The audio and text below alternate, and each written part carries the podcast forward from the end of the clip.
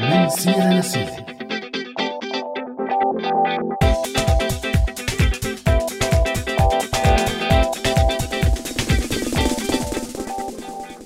أوقاتكم سعيدة مستمعي راديو سوريالي بكل مكان. ومني تحية كبيرة بهي الحلقة يلي أنا أعطيت فكرتها لعمر هاي الحلقة يلي بتجي استكمالا للموضوع يلي حكينا فيه الحلقة الماضية وهو عن المبارزة بالفن. لأنه رح نستمر بالحكي عن الفنون بالعموم بس مع تركيز أكثر على الموسيقى والدور يلي لعبوه كتير من مغنيي الراب بهي الثورات. الحقيقة كتير حكينا ببرامج سابقة على هذا الموضوع بالذات براديو سوريالي.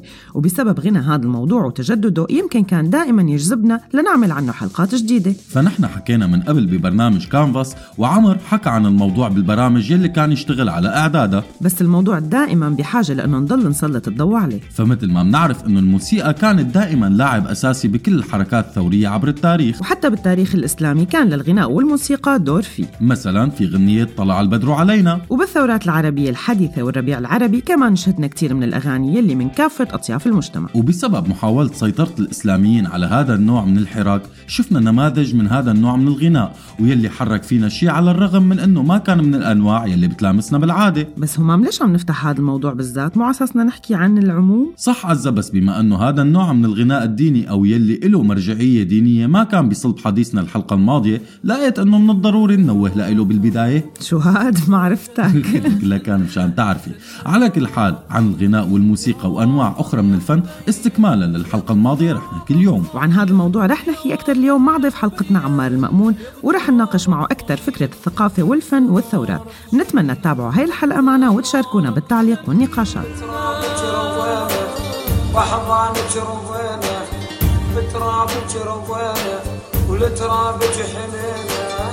وبمجدك علينا للقمة وصلنا للعليا وصلنا ثوري ثوري درعا بعتامين انت شمعة ثوري ثوري درعا بعتامين أنت شمعة حمصية نادي فزعة حمصية نادي فزعة يا مسند حملنا يا مسند حملنا. جنة جنة جنة جنة يا وطننا. جنة جنة جنة جنة يا وطننا. يا وطن يا حبيب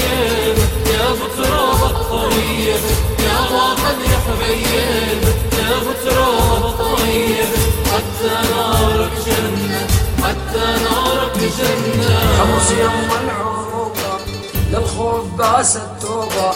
حمص يم العروبة للخوف بأس التوبة. منهب الصعوبة لا من عرف الصعوبة.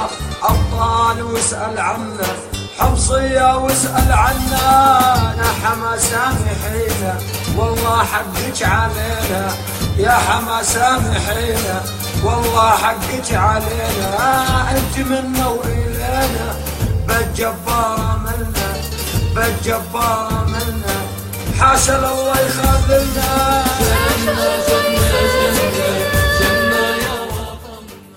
سؤال حلقتنا لليوم مستمعينا شو أكثر عمل فني أثر فيكم خلال سنين الثورة؟ غنية أو لوحة أو صورة أو جرافيتي أو حتى هتاف ولا تقدروا تجاوبوا على سؤالنا لليوم فيكم تتواصلوا معنا على صفحاتنا على مواقع التواصل الاجتماعي فيسبوك وتويتر أو من خلال رسالة صوتية أو مكتوبة على الواتساب على الرقم 00962 7798 51210 وطننا جنة جنة جنة. وطننا يا وطن يا حبيب يا بتراب الطيب. يا وطن يا حبيب يا بتراب الطيب. حتى نارك جنة حتى نارك جنة. جسر الشهور ورستن لحن الشهادة غنن. جسر الشهور ورستن لحن الشهادة غنن. مهما تقتل وتدفن تقتل أمام وتدفن. يا باري إن الجنة شهيدين على ما مات زغرد اللويا البنات شهيدين على ما مات زغرد اللويا البنات خادمات وحوريات خادمات وحوريات. بالنور على الجنة.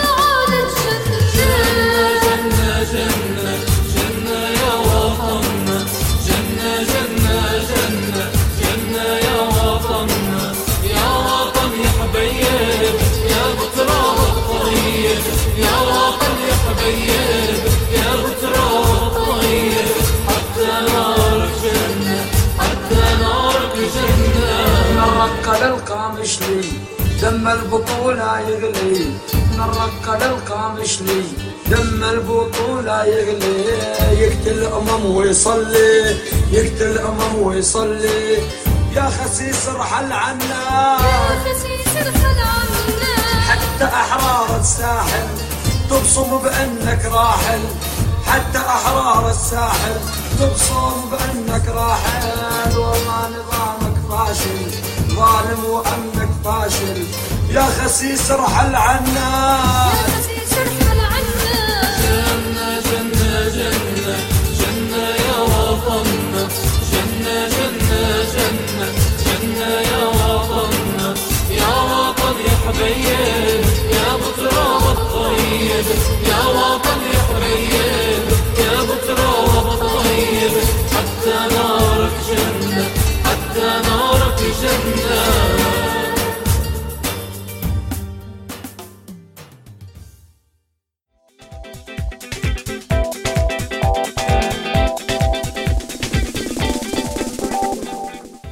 تسمعوا راديو سوريالي وحلقة اليوم بعنوان طرب الثورات. وقبل ما نفوت بالموضوع خلونا نستعرض الفقرات اللي رح ترافقنا بهي الحلقة. أولى الفقرات مع رئيفة والمنقوشة ويلي رح تخبرنا كيف استعدنا أغانينا الثورية. أما كريستين بفقرة صحصح رح تحكي لنا عن أثر الموسيقى على الصحة. وعمر بسورياضي رح يخبرنا عن موسيقى وأغاني الملاعب وأثرها على الحراك الشعبي بالعالم عموما وبالعالم العربي خصوصا. وأخيرا لقائنا مع الكاتب عمار المأمون ضيف حلقتنا لليوم بفقرة شو قولك يلي رح نفتح معه كتير من الملفات عن الثقافة والفن والثورة. هي هي محاورنا وفقراتنا لليوم. نتمنى تلاقي إعجابكم. ومع رئيفة والمنقوشة رح نبلش أولى الفقرات.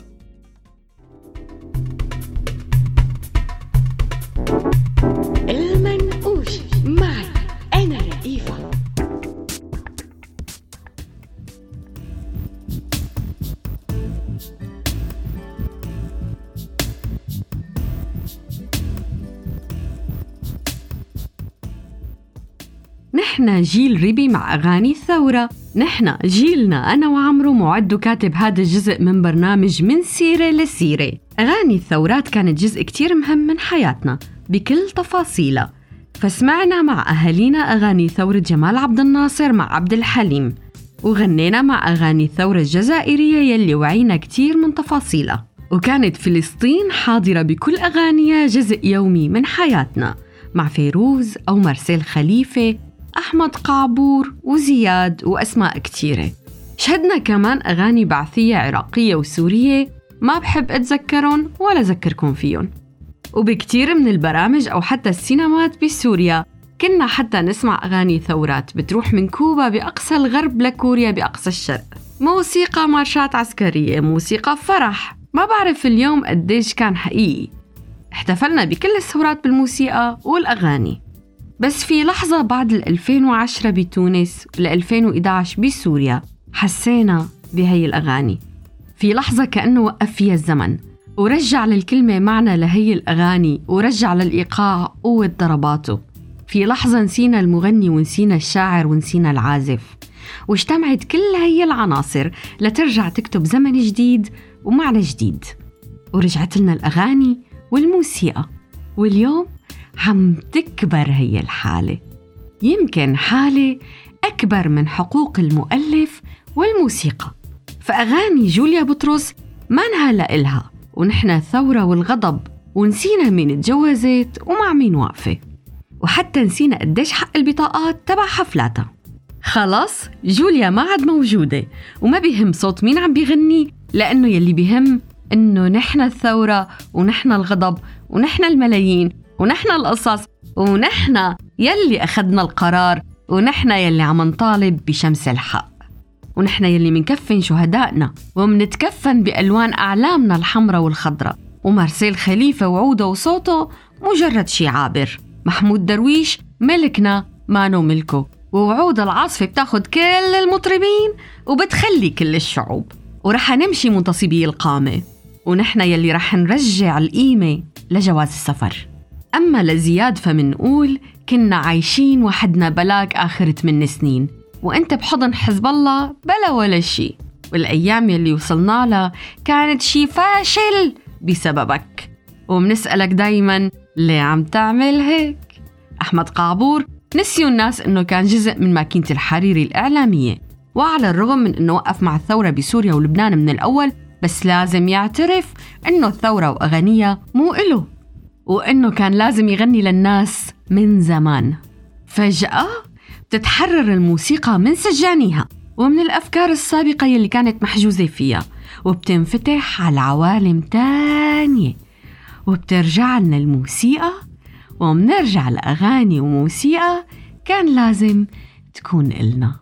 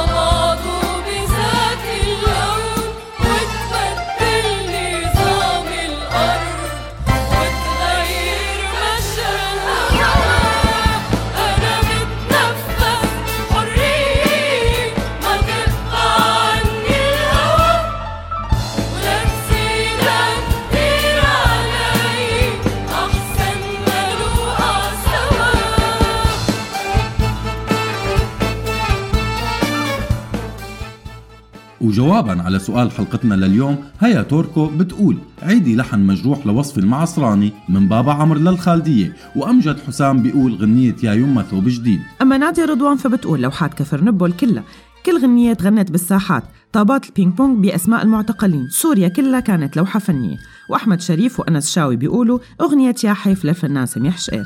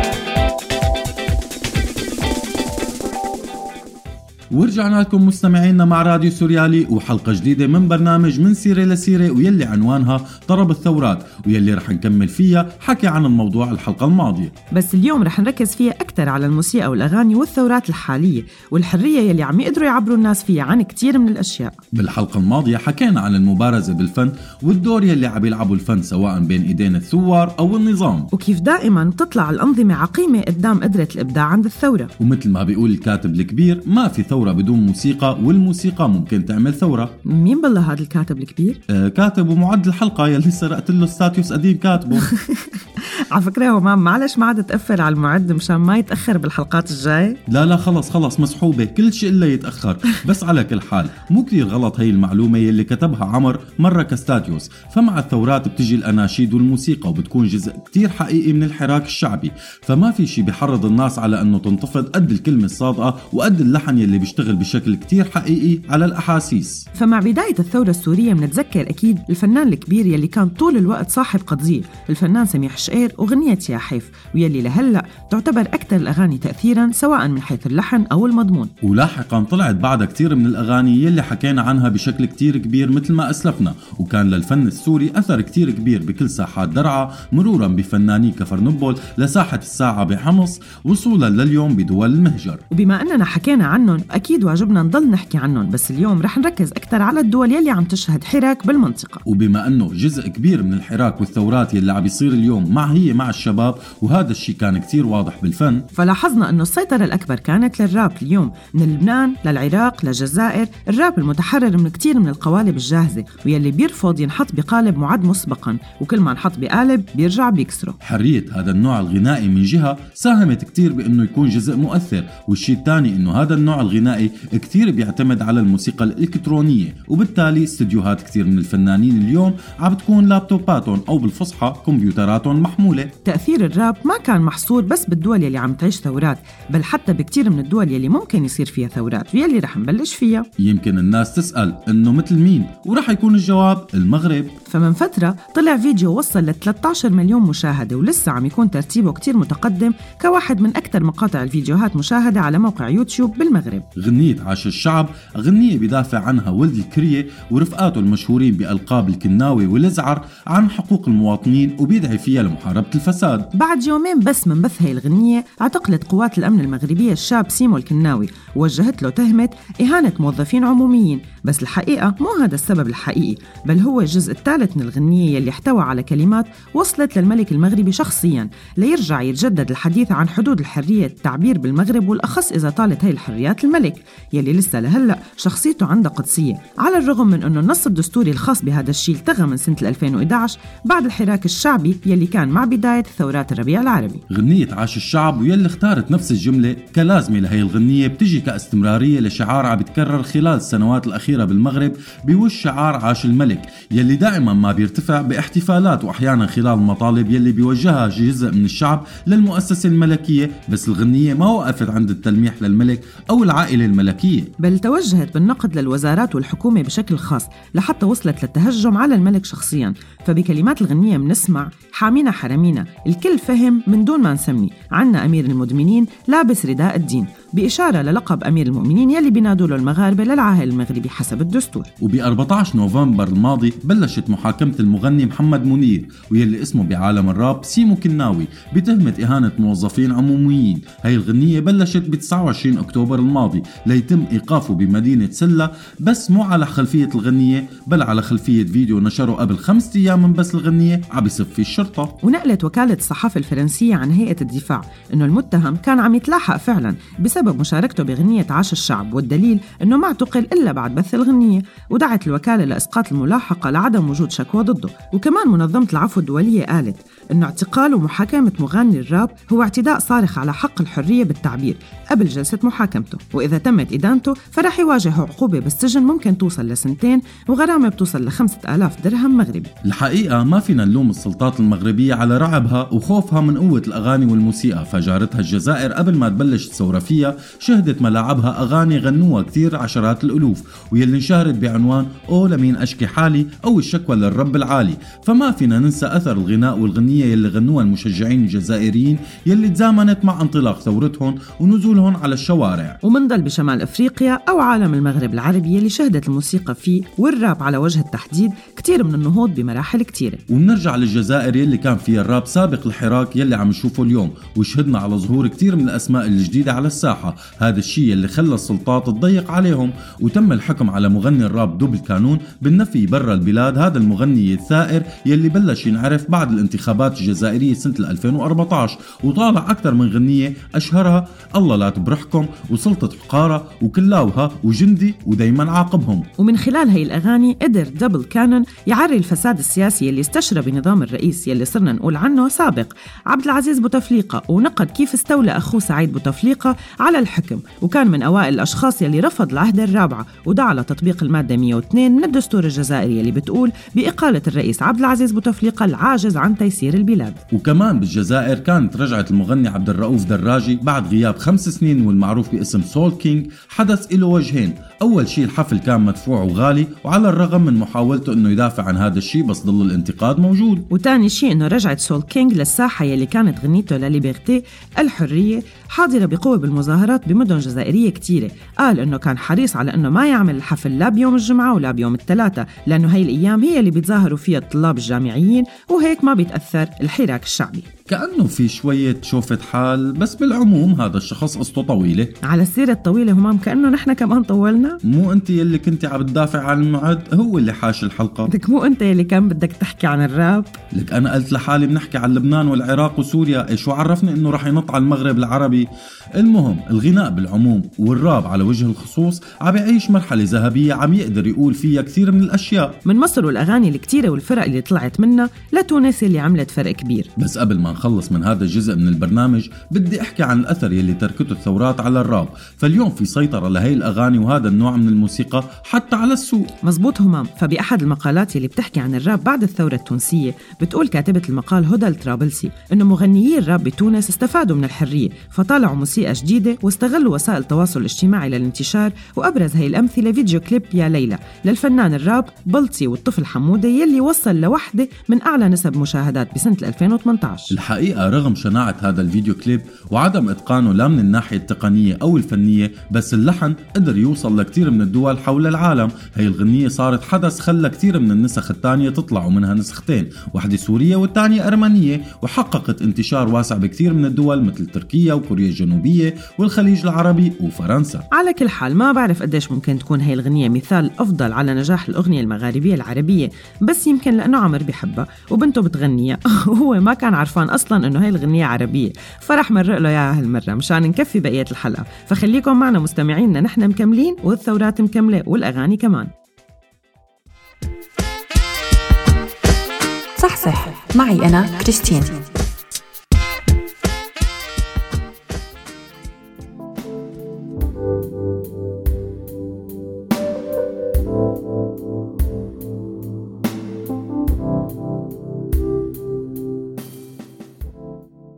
الدراسات بتشتغل على الموسيقى والصحة من أقصى الشرق لأقصى الغرب.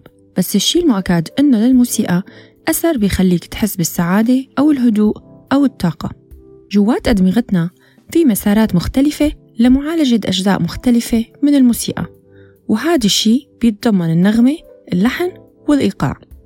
الموسيقى السريعة ممكن تأثر فعلا على معدل ضربات القلب والتنفس وضغط الدم بينما الموسيقى البطيئة بتميل لتأثر بشكل معاكس. لليوم تأثيرات الموسيقى على الأشخاص ما كتير واضحة وبحاجة لدراسات أكثر بس هذا ما بيعني إنه العلماء ما وصلوا لكتير نتائج. بس كيف بتشتغل الموسيقى وكل الآلات الموسيقية؟ لسه حواليها كتير أسئلة.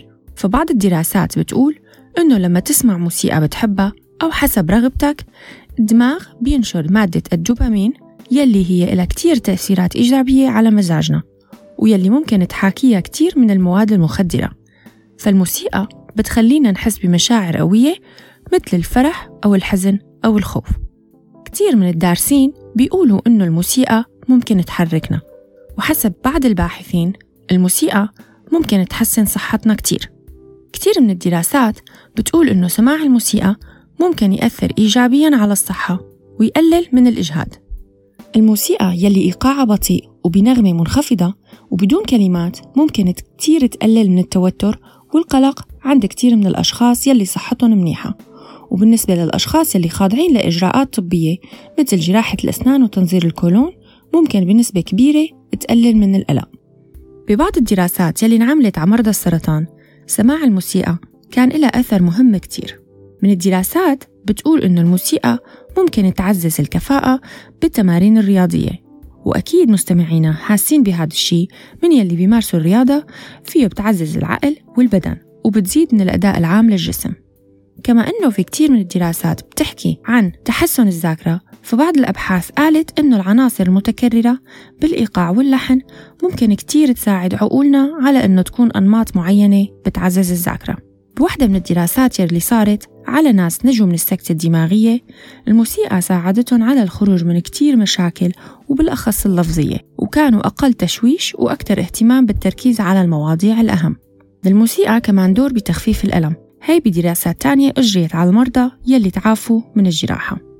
للموسيقى سحر عجيب وأثرها ببلش من نحن وبطن أمهاتنا.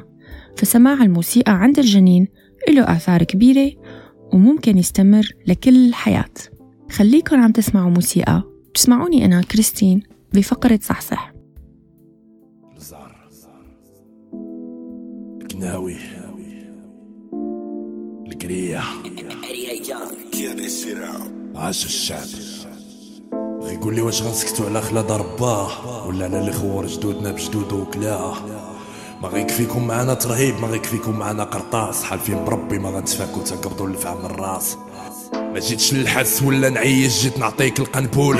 لا ما قادش تحس بهضرتي يلا تنحى وزول شي كيخاف من هضرتنا وشي كيخاف من لساننا. ما عارفيناش باللي مذبوحين والأزمة اللي مهضرانا. أنا المقصح أنا المذبوح أنا المهضوم. أنا المواطن المغربي اللي عمقت وجرح ونتوم أنا اللي بايعت وتباعيت أنا اللي طيقت وتخانيت. أنا اللي جبت الاستقلال وعمري بيه ما حسيت. أنا الأم اللي مات ولادها في البحر يا ما بكيت أنا الأب اللي رميته في الحدادة وبولادي ضحيت. أنا المواطن المقهور أنا الدرويش المحقور أنا الموجز المضروب أنا المتعاقد المنبوذ أنا الموظف اللي رديتوه بالاقتطاعات مخنوق أنا الحر أنا الحر. اللي مر القرية مشدود أنا الريفي اللي كان حلم يزيان الريف أنا الجبل اللي خليته قدامه غير الكيف. بلا ما تسولني على الثروة شكون اللي كلا فينا المال؟ شكون؟ مستافد من جوج بحور ومقالي على الرمال؟ شكون طاحن الفوسفات وكاسب كاع الشركات الكبرى؟ شكون طاحن البلاد طحين وباقي كيقلب على الثروة؟ صباح الخير الشريف. رصيفنا ولا خريف. لا كنا 40 مليون راه 30 جالسين معاك غير بالسيف كنأمنوا بالله كنبغيو الوطن وكنموتوا على الشعب 2020 ما غيبقاش الفقر حيت كلشي غيهرب. باسم الشعب عاش الشعب وعاش اللي درويش. يما راني ساخت كي بغيتيني ما ندويش. غرقونا بالحشيش ودمروا حياتنا بالفانيد. مينطو حلامنا ولاد الكلاب باش نبقاو ليهم غير عبيد. باسم الشعب عاش الشعب وعاش اللي درويش. يما راني ساخت كي بغيتيني ما ندويش. غرقونا بالحشيش ودمروا حياتنا بالفانيد. مينطو حلامنا ولاد الكلاب باش نبقاو ليهم غير عبيد. باغي والو من هاد البلاد باغي غنرتاح باغي التعادل وما ناكل. وربحوا بالرباح قطعنا الياس من النجاح وبحينا بالصياح. كتأديونا وطلبونا نطلبوا منكم السماح. جيت للدنيا لقيت والديا مفرشين كش على الدس وباب تمارة مكرفس وامي كتجوع باش تدس. وكبرنا باتاي والخبز ونهار المزوهر العدس. لوبيا وحمص ما شبعان نتاقص وما عندي ما نلبس ودمنا كيتمس تهرسنا ما لقينا الدبس مألمين وقاطعين الحس. غادي نغجر بالحيط هكاكم مشينا للحبس. اغتصبتوا لينا الكرامة وكسرتوا فينا النفس. خسرنا معاكم العمر ما بقى ليا علاش نخاف. حنايا مالين الدار وعيشونا فيها ضياف كيفاش غنحب هاد الوطن اللي هز عليا الكتاف كحلت الدنيا في عيني حياة بدون هدف. باسم الشعب عاش الشعب وعاش بشار نائل وعلي مقلج جاوبوا على سؤالنا وقالوا الشهيد عبد الباسط ساروت وزانا إسماعيل بيقول غنية حانا للحرية حانا وخالد العطور بيقول غنية جنة جنة جنة للشهيد عبد الباسط سارو. أما أحمد الغزول فبيقول كل لوحات أبناء مدينتي كفرنبول وعميد كينو بيقول قصيدة الأشجار الوحيدة لياسين عبود. وكوفان أوسي بيقول رائد الفارس. أما حسين فبيقول مسلسل ولادة من الخاصرة. كي السيارات مشيت في شعرك من دمي. جهالة جات في كتاب القاري رسالة جات من عند أمي. اللي حامينا حرامينا كل شي فهم لما سمي. أمير المدمنين لبس الهام الإسلام. مستشار وعرق يهودي البرادر وأغولاي نصف الشعب رديته يسعى وانت حتى الفاتح ماي. اللي شدنا يعرفوا الله أو الدم يمتى غير نساي. كلبونا سادسونا حاكمنا ظالمونا. كلب الكساوي قمعونا. عطيونا حقنا في هاد البلاد ولا جمعونا وعدمونا. أعطيني حقي ولا شرجي بتيري فيا سلاح الموت. الله الوطن تانت يمشي. هذا الشعر ديال الخوت. هذا الشعر ديال الخوت. موت لك راجل حسن ما تعيش عندك هوية. فيها مشموت. قلبي الخوف من الله. الاحد ماشي من ديكتاتور مكبوت. غادي نلعب خفيف بلي بلا ما نزيد نتقاد هادو ثلاثة اللي في البلاد دايرين كيف الدروز العقاد جمنا كاع ما نساوي والو غير بوليت وسقاد. غير خدونا غير عدمونا لوحونا في بحر بالحجار والتقال غير اللي هضر باسم الشعب وقال العيب في اللي حاكم ردو إسلامي متطرف قالوا إرهابي وغادي يساهم أش من خير غادي تلقى بلاد جدولها غير كزاد نهار شدو زمام الأمور سعوا في التيلي خمسة كلاب ياه اللي خايف يروح. الشعب عاش الشعب وعاش اللي درويش؟ يما راني ساخت كي بغيتيني ما ندويش. شرقونا بالحشيش ودمروا حياتنا بالفانيد ومن طحلمنا ولاد الكلاب باش نبقاو ليهم غير عبيد. عبيد. اسم الشعب عاش الشعب وعاش اللي درويش؟ يما راني ساخت كي بغيتيني ما ندويش. شرقونا بالحشيش ودمروا حياتنا بالفانيد ومن طحلمنا ولاد الكلاب باش نبقاو ليهم غير عبيد.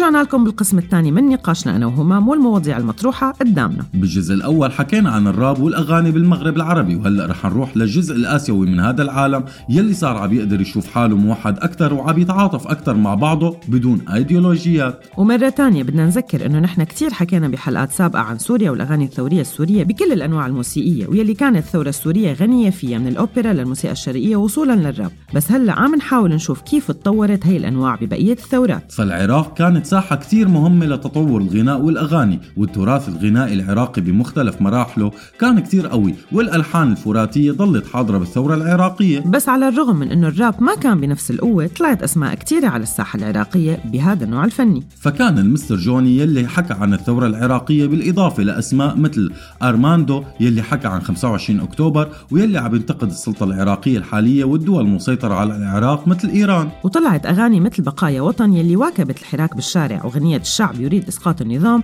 مع ميلودي كتير مشغولة بشطارة وببساطة. أو أغنية نموت عشرة نموت مية يلي عم تنفي الطائفية وعم تحكي عن شعب واحد. بسبب التعتيم الإعلامي الكبير للأسف على الحراك بالعراق ولسبب ما ما في كتير من المقالات يلي عم تنكتب عن هذا الشيء وما كان في كتير مواد بين إيدينا. بس المهم نحكي عن بعض المعلومات يلي لاقيناها عن الشباب يلي عم يحاولوا يطالعوا يلي بصدورهم. ومن هي التجارب كانت تجربة مغني الراب العراقي أحمد غايب مع غنية هنا البصرة يلي بتدعم المظاهرات ضد الفساد والنظام. هي الغنية العراقية بتحكي عن الصعوبات يلي عم يلاقوها المحتجين وبتنتقد عجز الدولة السياسية والدينية عن معالجة أسباب التوتر المتزايد بالمدينة. انتشرت هي الغنية بشكل كتير كبير على مواقع التواصل الاجتماعي بعد مشاركتها من أكثر من 100 ألف مشترك. وأكيد الكل اليوم بيعرف إنه البصرة شهدت كتير من الحراك. هي المدينة يلي فيها أكثر من مليونين شخص ولسه الحراك مستمر. ومن العراق للبنان. وعلى فكرة كان بدي عمر بس يحكي عن لبنان. خلص حاجنا أمام ذبحتنا. طيب ما رح ن... المهم بلبنان والحرية الإشكالية المعروفة بهذا البلد كان للموسيقى نكهة تانية فمن ساحة النور بطرابلس بلش شيء عجيب بهي المدينة يلي كانت بتنوصف بالتطرف السني بين قوسين. لنشوف مع الموسيقى وش تاني لهي المدينة وتعبير بالموسيقى بفوق الخيال ويلي بلشت دي جي مهدي كريمة ببساطة وعفوية. ومن أبرز الشغلات يلي برأينا كانت كتير مهمة بهي الثورة إنه ملكية الأغاني بطلت ترجع للمطربين يلي غنوها بل لنا كشعوب وهذا الشيء الشيء اللي حكت عنه رئيفة بفقرة اليوم من المنقوشة ويلي كانت أبرز هي الأغاني أغاني جوليا بطرس. ما أدري ليش بحس إنه اللبنانية عملوا هذا الشيء جكارة بجوليا بطرس وزوجها الوزير السابق المقرب من السلطة السياسية بلبنان. هو غالبا يعني غالبا غالبا هذا هو السبب. عن جد.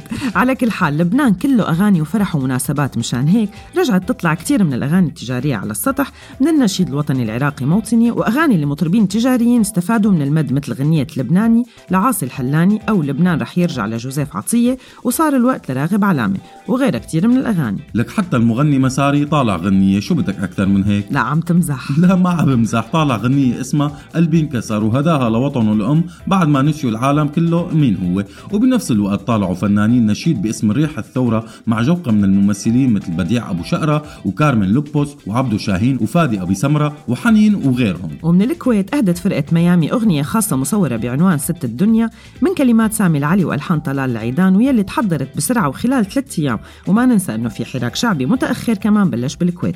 وبالإضافة لهذا الشيء بكثير من الدول تخيل همام. حتى بسوريا ومع نظام الأسد الناس احتفلوا بالثورة بلبنان وغنوا. راجع يتعمر لبنان لزكي إيه ما بدي أتخيل. شفت بعيوني. ما عم بقدر الصراحة أفهم. ما حدا رح يقدر يفهم. المهم وبعد كل هذا الاستعراض لكل الحركة الفنية اللي صارت وعم بتصير بلبنان وصلنا للمهم ويلي هو الراب. نشف لي ريقي عمر لوصلني لهون. المهم بمقال على موقع المدن اللبناني القطري بيكتب حسن الساحلي وبيقول إنه الموسيقى المنتجة بسياق الثورة اللبنانية لساتها متأخرة عن الحدث أو على الأقل مانها قادرة أنها تمشي معه وتعبر عنه رغم الإنتاج الموسيقي الغزير على وسائل التواصل الاجتماعي اللي فتحت الأبواب أمام فنانين ما هم معروفين أو هواة ليقدموا شغلهم فضلت الأغاني الوطنية القديمة أو الأغاني الخاصة بهذا الجيل الجديد يلي حسب تعبير كاتب المقال بتكون بالغالب إعادة تدوير للأغاني الوطنية السائدة. بس الحقيقة الراب بلبنان كان فعلا ناطر هاي اللحظة اللي طالع أغانيه فمغنيي الراب اللبنانيين كتبوا ولحنوا كتير من الأغاني اللي قالت كتير حتى قبل الثورة. على رأس هي اللائحة بيجي أكيد بو ناصر دين الطفار. هذا الاسم الإشكالي يلي ترك لبنان بعد ما واجه كتير من الصعوبات لتركيا. بس أخذ أول طيارة ليرجع يشارك بالثورة والحراك بالشارع جنب أمه. الطفار ما كان ناطر الثورة اللبنانية كان عم يحكي عن كل الثورات وكان واقف جنب كل الثورات وحكى عنها بقلب مجروح بكتير من المطارح. وبنرجع للمقال يلي كتبه حسن الساحلي بموقع المدن. يلي بيوصف حالة الراب اللبناني وبيقول إنه بيعتبر الجزء المشارك بالثورة هو الأكثر تاسيسا مثل مغنيين مثل الراس والطفار والدرويش وبيقول إنه بيغلب على أغانيهم مواضيع مرتبطة بالتمرد والقضايا الاجتماعية والسياسية واحيانا الثقافية والدينية. وبيقول كاتب المقال إنه الراس والطفار عملوا حفلة بالعزارية ضاعت فيها الطاسة فالناس ما عرفت إذا يلي حضرت الحفل كانوا جايين ليحضروا الحفل أو إجوا ليشاركوا بالاحتجاج بس الكاتب كمان بتضيف إنه هذا الشيء هو اللي بيميز هذا النوع من الحفلات. وبيشير كمان كاتب المقال إنه الراس قدم غنية للثورة تحت عنوان شوف. أرفقها على منصات التواصل الاجتماعي وساوند كلاود برسم للمصمم رامي قانصو يلي بتتصور فيه الصبية الشهيرة يلي عم ترفس المسلح التابع لأحد المسؤولين اللبنانيين. يمكن حضور الراب أسس من سنين لهي المواجهة وكسر كثير من الجمود وبيوثق كاتب المقال يلي حكينا عنه قبل تجربة السوري محمد حموي يلي عمل شيء موسيقى بالاعتماد على عبارة هيلا هيلا هو وساواها مثل غنية ما قبل النوم للأطفال وكأنه عم بيقول إنه رح نربي أولادنا على هي الأغاني. الرابرز كانوا من أول الناس يلي نزلوا على الشارع وقالوا كلمتهم. سواء سمعنا أغانيهم من ملاعب كرة القدم أو من الراديو بالسيارة أو بالبيت أو من مكبرات الصوت بالساحات. أو حتى كانت أغاني من غنية بالسر. دائما كان الراب محرك أساسي وشديد القوة بالثورات. وعلى سيرة الموسيقى والملاعب صار وقت نروح لفقرتنا الجاية وهي سورياضي مع عمر فخليكم معنا. سوريالي مع عمر سوار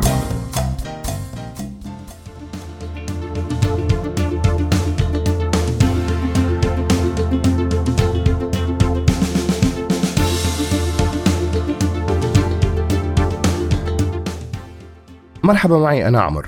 بهي الفقرة جديدة من سورياضي. كثير من الثورات بلشت من ملاعب كرة القدم وكثير من الأغاني اللي أثرت بالثورات طلعت من هي الملاعب. مؤخرا كان لرائعة الهيلا هيلا هو يلي طلعت بالساحات اللبنانية جذور مصرية مع تركي آل الشيخ المستثمر السعودي الشهير والمقرب من العائلة الحاكمة ومن الأمير الحالي وولي عهد محمد بن سلمان واللي طلع النشيد الشهير عليه بملاعب مصرية واللي بيقول طال عمره طال عمره تركي الشيخ والبقية بنتذكرها من أناشيد الثورة اللبنانية يلي عم تتناول بلطافة صهر الرئيس اللبناني ميشيل عون. وبالثورة المصرية والتونسية ببدايات هي العشرية كان لمشجعي الفرق وأغانيهم دور كبير والسبب أنه في تقاطع بينهم وبين الإسلاميين. يجوز البعض منكم يستغربوا. بس ليش؟ لأنه هدول المجموعتين هن المجموعات المهيئة للقيام بمهمات ثورية بظل الأنظمة القمعية. فالسياسيين خلال التاريخ ما قدروا يقمعوا هدول العاملين الاجتماعيين الخطيرين اللي هن الرياضة والدين. وهن يمكن الأمكنة الوحيدة اللي يمكن جمعوا فيها الناس وينادوا بصوت واحد بدون ما حدا يقول لهم شيء فيا ريتنا كنا طلعنا من الملاعب بدل ما نطلع من الجوامع. كان يمكن ما حكى علينا عمو أدونيس. إنه شو بده يقول؟ هي الثورة طلعت من الملاعب. على كل حال في حالة بالملاعب حول العالم بتخلي الناس كلهم على إيقاع واحد وممكن تعمل أكبر كورال بأي بلد وأكبر دليل على هذا الشيء الأغاني اللي طلعت من الجزائر قبل ما تبلش الثورة الجزائرية بشوي ويمكن حكوا عن هذا الموضوع عزة وهمام يا أما قبل يا أما بعد. أما الألتراس بمصر فصار بينحسب لهم ألف حساب. وهذا الاسم ما اسم قديم بل طلع 2007 بعد احتفالية الأهلي بمئوية النادي ويلي مأخوذ من أمريكا الجنوبية واللي ترجمته الحرفية بتقول الشيء الفائق أو الزائد عن الحد. وفعلا الألتراس المصري ما في منه. علاقة السياسة مع كرة القدم كتير عميقة ففي حروب صارت بسببها وفي انتقام من حروب صارت عن طريق كرة القدم والحادثة الأشهر هي تكسير رأس بريطانيا من قبل الأرجنتين. وعن هذا الشيء طلعت أغاني كتير. وبما أنه حميان القصص بإيران فلازم نذكر انه ثورة كرة القدم هو مصطلح بيحكي عن أحداث واحتجاجات عملوها النساء بإيران لما اقتحموا ملعب لكرة القدم وشاركوا بالاحتفال بفريق إيران القومي لكرة القدم يلي رجع على إيران بعد التصفيات المؤهلة لكأس العالم بسنة 1997 ويلي تحدى قرار حظر دخول النساء للملاعب ولساها حدث كتير كبير ومهم بتاريخ الحركة التحررية للمرأة بإيران. بس للأسف هداك الوقت زادت القيود والتشديدات المفروضة على المرأة بإيران. واليوم ناطرين مباراة أو حدث مهم لحتى النساء تكمل فصل الرياضة عن السياسة. ونحن نكمل معهم هالثورة. كنت معكم أنا عمر بسورياضي. وهلا هلا هلا هلا هو.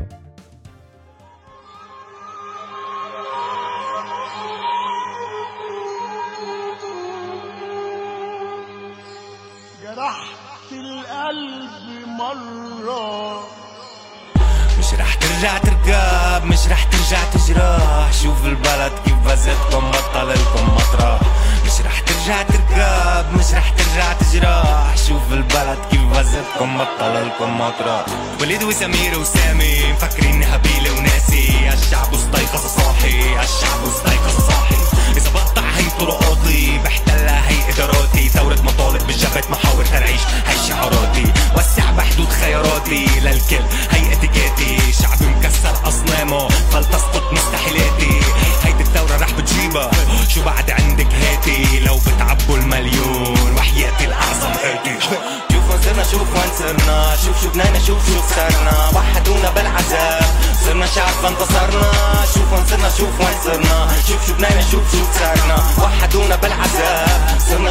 صرنا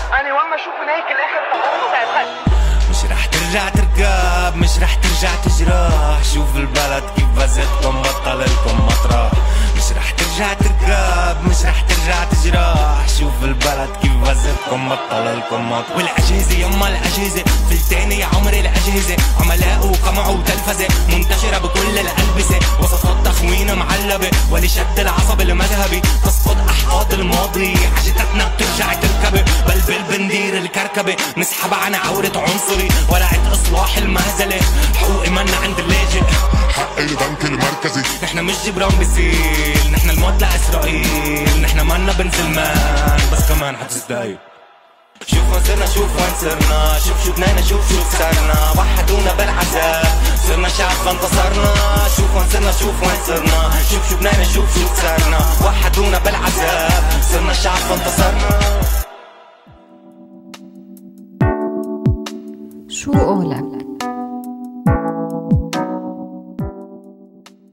عمار المأمون كاتب وصحفي عم يحضر للدكتوراه تبعه بالسوربون بفرنسا. وصفوه البعض بالكاتب المشاغب ويلي دائما بيطال أماكن ما كتير الكتاب والصحفيين بيطالوها. بس بيتناول هاي الموضوعات بإتساع وببلاغة كتير عميقة. عمار خريج المعهد العالي للفنون المسرحية مقيم حاليا بباريس بفرنسا وكانت له مشاركات عدة مع راديو سوريالي. واليوم رح نحكي أكثر معه عن الفن والثورة. سوريالي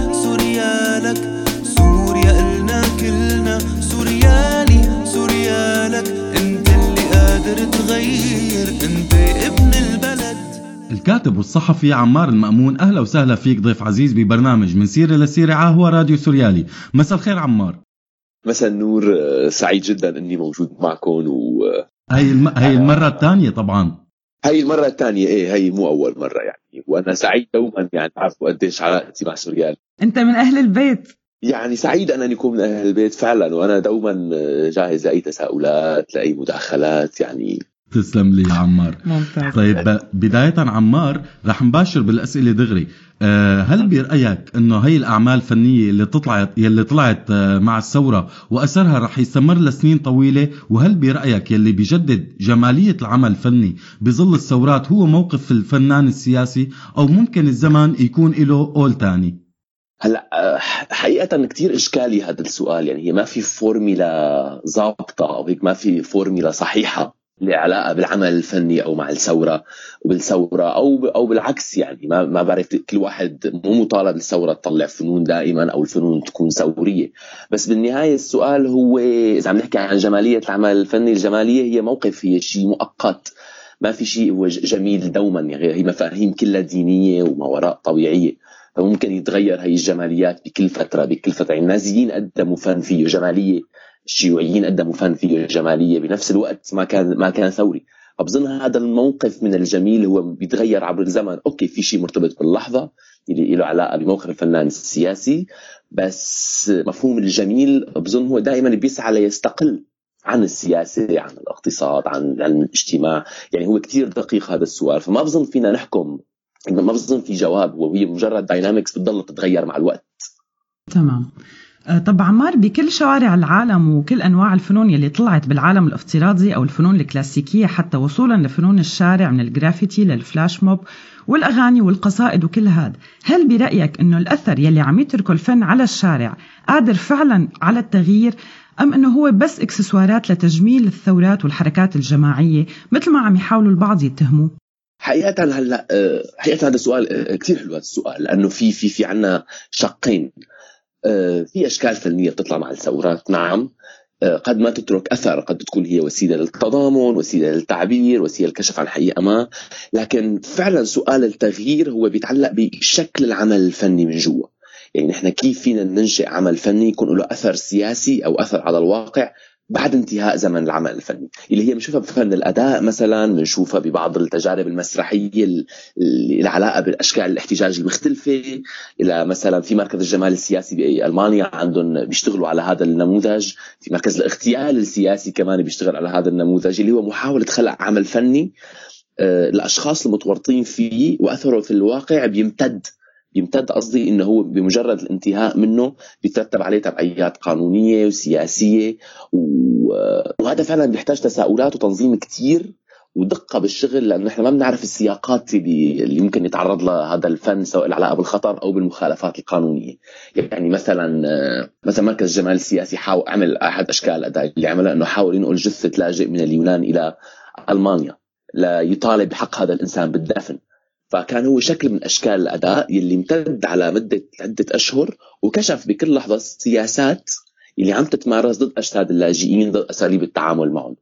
فبظن في نعم أشكال فنية قادرة على التغيير قادرة ان تترك أثر سياسي قد يوصل لمراحل سيادية مثل نقاشات البرلمان مثل ما عمل مركز الجمال السياسي. طيب عمار عم يتخذ عفوا عم يتخذ الفن اليوم دور إخباري أو إعلامي ليزيد من تسليط الضوء على كثير من الأحداث يلي عم بتصير بالشارع، برأيك هل هذا الشيء ممكن ينقص من قيمة المنتج الإبداعي أم إنه بسبب التطور التكنولوجي الحاصل اليوم آه، صار هذا الشيء واحد من وظائف الفن؟ دور إخباري أو إعلامي يعني حقيقة ما فينا ما فينا ننفي واحد من مكونات العمل الفني كل كل عمل فني فيه شيء فيه نوع من الحقيقة فيه حكاية ما هو وليد شرط ما. لكن فيما يخص قيمته كمان هي النزعة على الاستقلال عن عن عن كل ما يحدث إنه يكون العمل الفني معلق بالفضاء كمان هي نزعة رومانسية ما حقيقية. يعني بغض النظر كان مت مت بغض النظر كان متقن أو غير متقن هذا العمل آه، كان علني أو غير علني دائما هو هو هو بيختزن جواته شروط بس لكن إذا بده ينقل أخبار دور إخباري أو إعلامي يكون عنده هذا الدور عفوا فما بظن فيها فيها مشكلة بشرط إنه يكون واعي هذا العمل الفني شو عم يقول شو عم يقدم.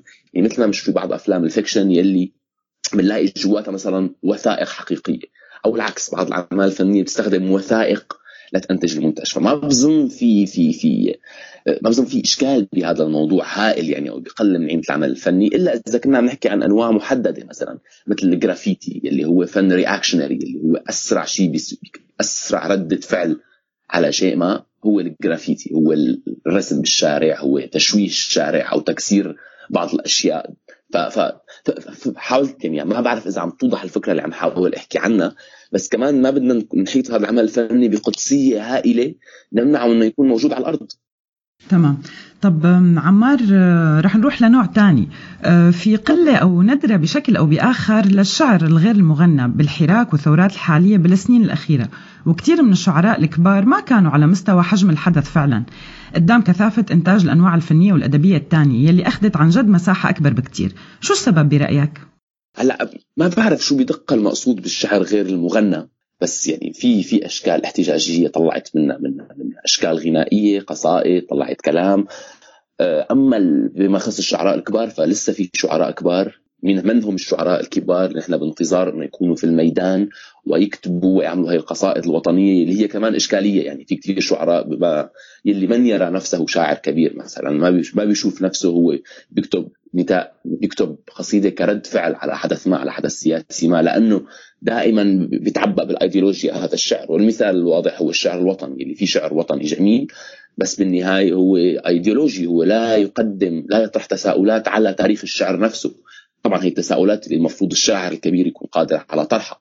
أما إذا هذا الشاعر الكبير لا يعنيه الحراك أو لا يعنيه أي ثورة أو ما يحصل ما بظن هو المفروض يكون مطالب يكتب عنها يعني. هو بيشوف نفسه إنساني بين قوسين. عم بحكي شوي بغموض مشان ما أسمي أسماء بس بظن كمان هي الإشكالية إنه كلام الشارع يعني كلام اليومي والشعري هو سؤال سياسي وسؤال جمالي. عن إذا بدنا نفكر بالفروقات بيناتهم. فأوكي خد خد يعني ممكن نقول ارني إنه هذا ممكن نقول إنه هذا الشعر شعر الشعراء الكبار لم يعد ملائما ببساطة. آه عمار آه، هل برأيك انه الذباب الإلكتروني اليوم قادر على أنه يأثر على الأعمال الفنية؟ أم أنه العمل الفني الجيد آه رح يفرض حاله رغم كل شيء؟ حقيقة بظن إيه. بظن إيه لأنه مفهوم مفهوم تكريس العمل الفني. يعني هو يعني هون نحن ب- بشكل من أشكال السوء اللي ما عاد له على أحيانا أحيانا كثير ما له علاقة بالجميل أو القبيح. له علاقة بسلبي علاقات قوة بتكرس شكل ما. وفي أمثلة أبسط. يعني في فنان فرنسي اسمه مو فنان حقيقة هو شاب اسمه جون أمون اللي أنتم باريس أكيد شايفين صوره اللي بيقول أنا جون أنا جون أمون بدعم جون أمون فجأة تحول إلى شا إلى إلى فنان. هو ما عنده أي عمل فني سوى إنه الناس صارت تحط likes بحط صورته هو حرفيا بحط صورة بطاقة الهوية تبعه بطاقه بطاقة الجامعة. فأي نعم ممكن يتكرس عمل فني ويظهر نتيجة شكل من أشكال السوء أما برغم انه الجيد يفرض حاله كمان بظن هذا مفهوم fictional لأنه مفهوم وهمي أو رومانسي لأنه حتى العمل الجيد اللي ما نسميه جيد هو خاضع لقوانين المتحف وقوانين السوق والذواقة والنقاد اللي بيكرسوا عمل ما أو بينفوا عمل ما. طب عمار خلال السنين الماضية تم الكشف عن الدور يلي لعبته المخابرات الأمريكية بانتشار ال pop art بحقبة زمنية ماضية بمشان مواجهة الحركات الفنية الأقرب من اليسار هل برأيك ممكن في شيء مشابه عم نعيشه اليوم مثلا؟ حقيقة هذا ال هذا ال هذا الكتاب اللي بيحكي عن هي القصة يعني عازف the pied piper أو هيك شيء اسمه يمكن مؤامراتي شوي. okay نعم. وكثير من الفنانين كانوا بهذيك الفترة مو مدركين شو عم يصير. هذا التمويل منين جاي بس هون بنرجع لسؤال هلأ موجود يعني. الفنان ما فينه يشتغل بلا تمويل والتمويل دائما عليه إشارات استفهام. فهون بيجي سؤال الفنان هل بده يكون هو هذا العصامي يلي بيشتغل لحاله بدون أي تمويل بدون أي شيء يعني بيقدم له المواد أو البيئة المناسبة أو بده يخضع لهذا السوق ويفهم يفهم كيف بيشتغل. وبظن إيه ممكن ممكن يتأثر شكل الإنتاج الفني أو أكيد بده يتاثر شكل الإنتاج الفني بمين عم يموله بأفكاره.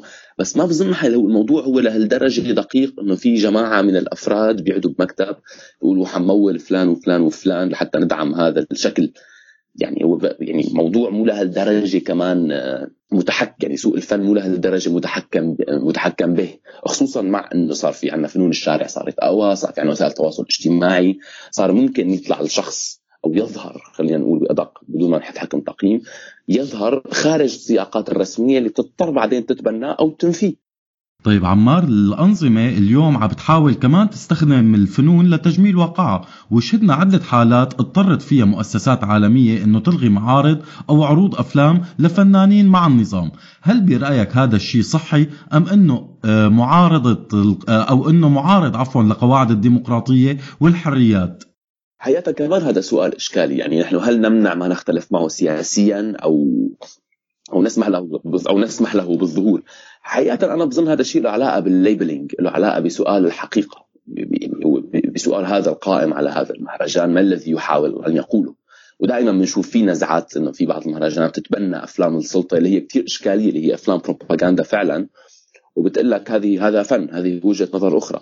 نعم هي هذا فن هذه وجهة نظر أخرى بس من المفروض إنه نأشر إن هذا الفن كيف شكله. يعني مثل ما نعملها ممكن يكون تايتل صغير مثل يكون يعني هي اقترحت احدى المرات نطلع نسميها مثلا أفلام البروباغندا ونجيب كل هذه الأفلام يختلف مع سياسيا مو مع الاختفاء مو مع المنع. هذا رأيي الشخصي. بس مع أنه تتلقى تنلاقى فورمه معينة إنه تظهر فيها هذه الأفلام. بس مع الوعي. من شو اللي بتختزنه شو اللي بتخبيه جواتها شو الحكايات اللي بين قوسين بتكذب فيها وشو كمان بين قوسين الحقيقة اللي بتحاول تقديمها مو مع ال- لأنه كمان هذا بيطرح سؤال بعدين إنه هل يجب أن نظهر في نفس المنصات أو نشارك بالمنصات اللي بيشتغل فيها اللي بيطلع فيها مثلا أفلام أو مواد لها علاقه بالبروباغندا؟ كمان هذا سؤال له علاقة بال- بال- بالأفراد بالقائمين باللعب يعني اللي بينجوا اللي بيشتغلوا وبالمنظمين أنفسهم. وفي عالم ترفض تقول لك لا بدنا نطلع هذا الفيلم على أنه فيلم دون أي indication دون أي دلالة على ما يحوي. فبظن إنه هون بيجي الدور. يعني هون فينا نستخدم أشكال تانية من الاحتجاج مثل ما بنبعث رسائل بنعمل إيميلات بنروح بنوقف جنب الصالة. عم بحكي هذا الشيء مشان ما نوصل لفكرة إنه ينمنع وهي صارت في إحدى المرات. يعني مو إحدى المرات كذا مرة بيصير إنه بيجتمعوا الناس بيقولوا لا هذا الفيلم ما لازم يعرض. اشكالي هذا الموضوع. بس أنا برجع برأيي الحل الأسلم أو الأنسب إنه نعمل ليبلينج يكون في تقديم ما وقتها بينطبق وقتها على الاثنين على من يعني من يقدم من يقدم شيء على أنه معارض ومن يقدم شيء على أنه مع النظام السوري على فرض أو مع أو المصري يكون في labeling لحتى يعرف المتلقي على أساسه ما الذي يراه، لماذا يرى ما يراه؟ لأن الأفلام النازية مثلا مشهورة بنشوفها كلها موجودة في كل مكان وتعرض حتى في دور السينما. لكن في labeling محدد عليها هو بيقول للمتلقي إنه انتبه أنت ما تراه هو بروباغندا، ما تراه يدعي حقيقة ما قد تخ... قد قد ما تاثر أشخاص مثلا أو أو أو تدعي ترسيخ سلطه ما. طب عمار شو هي نظرتك الشخصية للفنانين والأدباء السوريين المعارضين يلي لساتهم عايشين بسوريا والنظام ما عم يقيد حركتهم أبدا؟ هل برأيك أنه عملهم الفني حتى لو كان معارض نوعا ما ممكن يخدم النظام؟ وإذا إيه شو هي الحلول اللي قدامهم ليعملوا فن؟ كمان هذا السؤال كتير إشكالي. يعني آه، خلينا نفكر خلينا خلينا نفكر بشغلة إنه ما فينا نمنع الناس تشتغل فن أينما كانت.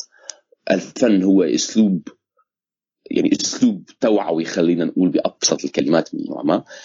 وأي شيء يظهر في مساحات النظام لأن هي مساحات مقننة يعني لا يجتمع الناس مجانا في سوريا، لا شيء يظهر إلى العلن مجانا أو بدون تدخل سياسي، حتى لو كان معارض للأقصى لمجرد أنه مسموح فهو إشكالي، فهو بده بده يستفيد منه النظام حتى لو كان عم يسب عليه. فهون السؤال أنا برأيي ما نطرحه على النظام يعني هذا السؤال الفنان بده يطرحه بينه وبين حاله إنه أنا كيف فيني أقدم شكل فني ما السلطة غير قادرة على احتوائه غير قادرة على استخدامه. في ناس بتلجأ للفحش في ناس لل- للتف...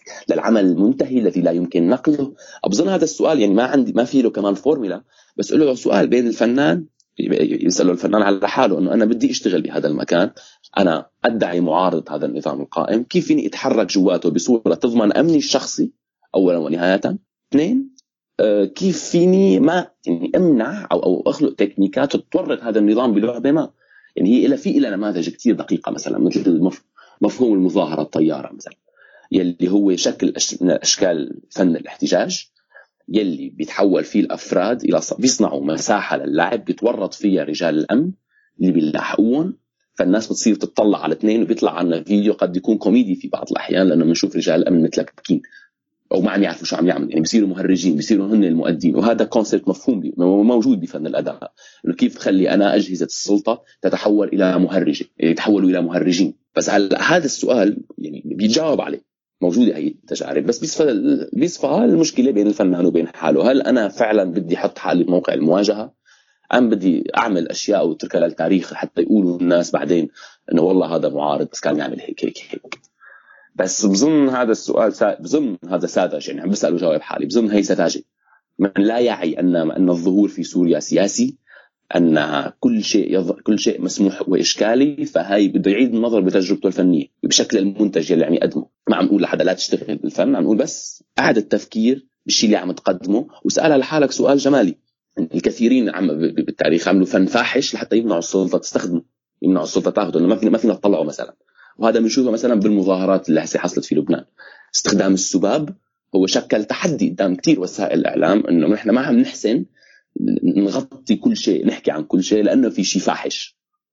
فبظن هذا هيك هي هي هي الثنائية. هي كمان جميلة كسؤال فني هي مغامرة هو تحدي من نوع ما. تمام. نهاية عمار يعطيك ألف عافية وشكرا كثير إلك للمرة الثانية كضيف و... وغالبا كمان للمرة الثالثة يعني قريبا جدا. أكيد أكيد. أنا جاهز وسعيد جدا بالدردشة معكم تسلم لي. غالبا رح يكون الموضوع عن المقالات اللي عم تكتبها هلأ حاليا. okay. شوي أكثر شخصي بيكون. okay ممتاز. فشكرا كثير لك عمار ويعطيك ألف عافية. الله يعافيكم يا رب. شكرا كثير. السايكو فاصل. ما بنهدى ضرر مفي نبض وفي زط باطل. لو مراب كنت مقاتل. هلا خبر عاطل. درعة عم دور على الأعور. أخ مجاهد فاضل. اسمي بو ما تعودت أقول حاضر. الموت رفيق الصغر ياخر بيت بالمقابر. بين قبور فيها اخدت أول بف. إيدي لسه بترجف لهيك بكسر ما بلف. بس على السعادة وبدمي وقعت الطف. كل ما يجي خبر حلو من بعده بنتظر الكف منا. حماس وخف منا لارتخى ولف منا. موسم توبة الثوار للسيد واقف بالصف ست مرات صرت مجرب ست مرات فشلت. ست مرات صرت مبعد ست مرات قربت. ست أصوات كلن صوتي. ست نتايج كلن موتي. ست امتار طول لساني ليش خرس يا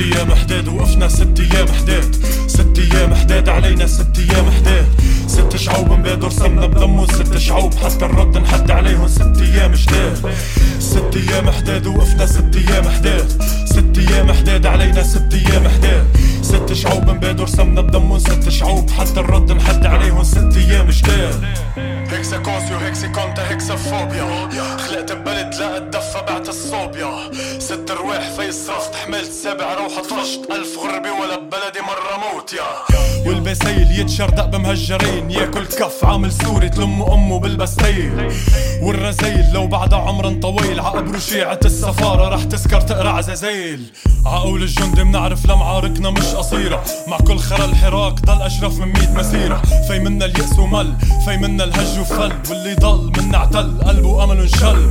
ست آراء براسي كل الرأي قالوا أول يا أخي ولا واحد فيهم الرأي وأنا رأي الكل. ست أصوات براسي كلن صوتي قالوا روح. يا أخي ست أصوات براسي كلن صوتي قالوا ضل. ست مرات صرت مجرب ست مرات فشلت. ست مرات صرت مبعد ست مرات قربت. ست أصوات كلن صوتي ست نتايج كلن موتي. ست امتار طول لساني ليش خرست ست أيام حداد وقفنا ست أيام حداد. ست أيام حداد علينا ست أيام حداد. ست شعوب مبادر صمنا بدمه ست شعوب. حتى الرد نحد عليهم ست أيام جداد ست أيام حداد وقفنا ست أيام حداد ست أيام حداد علينا ست أيام حداد ست شعوب مبادر صمنا بدمه ست شعوب. حتى الرد نحد عليهم ست أيام جداد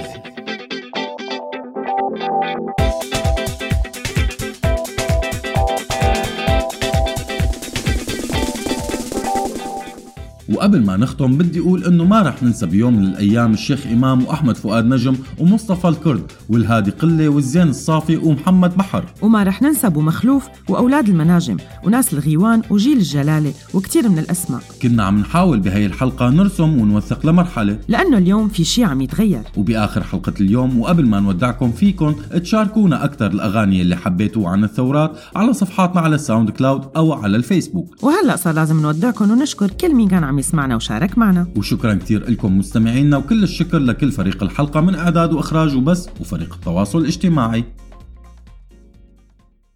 هذا البرنامج من إنتاج راديو سوريالي 2019